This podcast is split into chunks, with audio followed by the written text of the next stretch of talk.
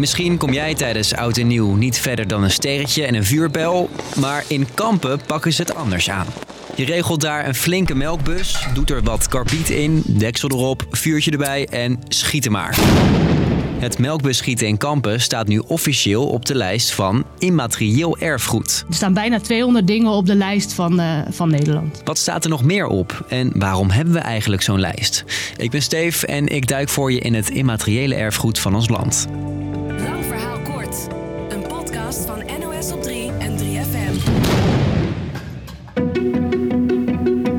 de nieuwe kampenaren die hier natuurlijk ook uh, naartoe komen, die denken van, joh, wat is hier aan de hand? Het lijkt wel oorlog. Ja, die, die moet je ook uh, uitleggen wat er aan de hand is. Nou oké, laten we eerst met die uitleg beginnen dan. Een karbietschieten in kampen werkt als volgt. Je doet explosief spul, karbiet, in de melkbus, giet er wat water bij en doet de deksel erop. Een vlammetje erbij zorgt voor een flinke explosie, waardoor de deksel gelanceerd wordt, legt de schuttersvereniging uit. Ja, we schieten in de stad en ja, we zitten op de melkbus en niet met een, uh, een bal of in een weiland. Dat doen we niet, we doen het echt binnen de grenzen van de gemeente. Precies de manier hoe ze in kampen schieten staat nu op de lijst van immaterieel erfgoed. Ja, kom maar. Het karbietschieten is natuurlijk niet het enige dat op de lijst staat. We hebben bijvoorbeeld ook het zomercarnaval in Rotterdam erop staan. Je hoort Kelly Boender van het kenniscentrum Immaterieel Erfgoed Nederland, die de lijst bijhoudt. Ook poffertjes bakken, draaiorgels. De Nijmeegse Vierdaagse, schaatsen op natuurijs, Koningsdag, de gabbercultuur... of misschien iets minder bekende tradities... zoals bijvoorbeeld het prijsdansen in Nieuwe Vossenmeer. Al die dingen horen erbij. Maar wat valt dan eigenlijk precies onder immaterieel erfgoed? Dat omvat tradities, rituelen, ambachten... waar we waarde aan hechten en die we van een vorige generatie krijgen doorgegeven en die we aan een nieuwe generatie weer willen doorgeven. Geen materiële dingen dus, zoals gebouwen of dingen die je kan eten, maar tradities. Nou, daar is het karbietschieten in Kampen een mooi voorbeeld van. Het samen doen, samen schieten. Als jongs af aan van vader op zoon wordt het overgedragen. Dus eerst met een verfblikje, Daarna gaan we naar de melkbus. En dat is wel een kick om dat met elkaar te doen. Wil je op die lijst, dan kan je je melden bij het kenniscentrum Immaterieel Erfgoed. Daar letten ze op een paar dingen. Waarom willen ze in de, in de inventaris komen? De meeste mensen die willen natuurlijk een stukje bekendheid.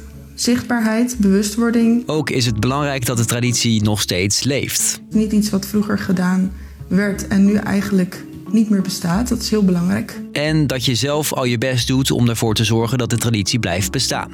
Het kenniscentrum krijgt trouwens nog wel wat hulp met die lijst. Mijn naam is Marieke Brugman. Van Marieke bijvoorbeeld. Zij werkt bij UNESCO en daar houden ze zich ook bezig met immaterieel erfgoed. Zij adviseren zo nu en dan. Nou, stel je voor dat we uh, zien dat er op een, op een lijst. Um, um, alleen maar tradities uit Gelderland geplaatst worden. Terwijl er in heel Nederland allerlei mooie dingen gebeuren.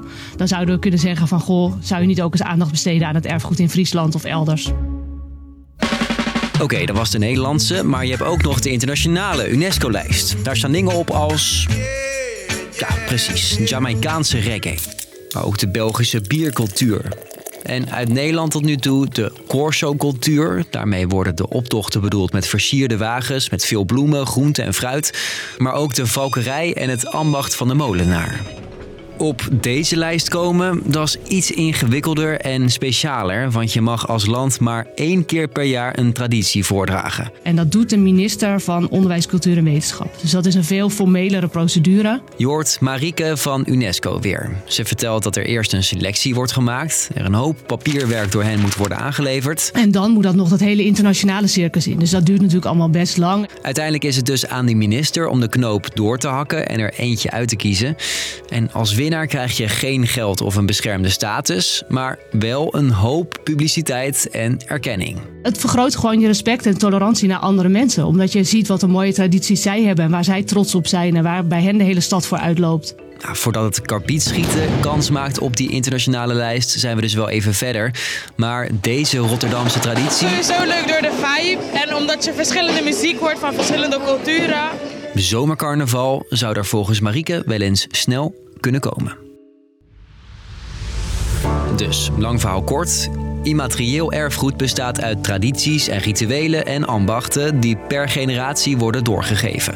In Nederland houden we een speciale lijst bij met zulke tradities, met als nieuwste aanwinst het karbietschieten in Kampen. Er bestaat ook een internationale versie van deze lijst en die wordt door UNESCO bijgehouden. Nou, dat was hem. Vond je deze podcast nou erg goed? Elke doordeweekse dag zijn we er met een nieuwe aflevering. Dat is uh, onze traditie. Tot dan! 3FM. Podcast. De muziekwereld zit vol met mythes. Is Lady Gaga een seriemoordenaar? Kan Marilyn Manson zichzelf echt pijpen? Loopt er echt een dubbelganger van Avril Lavigne rond? Maar wat is er van waar en waarom zijn er zoveel complottheorieën? 3FM'ers Luc en Philo zoeken het voor je uit in de podcast Paul is Dead. Luister hem nu via de gratis NPO Luister app of 3fm.nl slash podcast.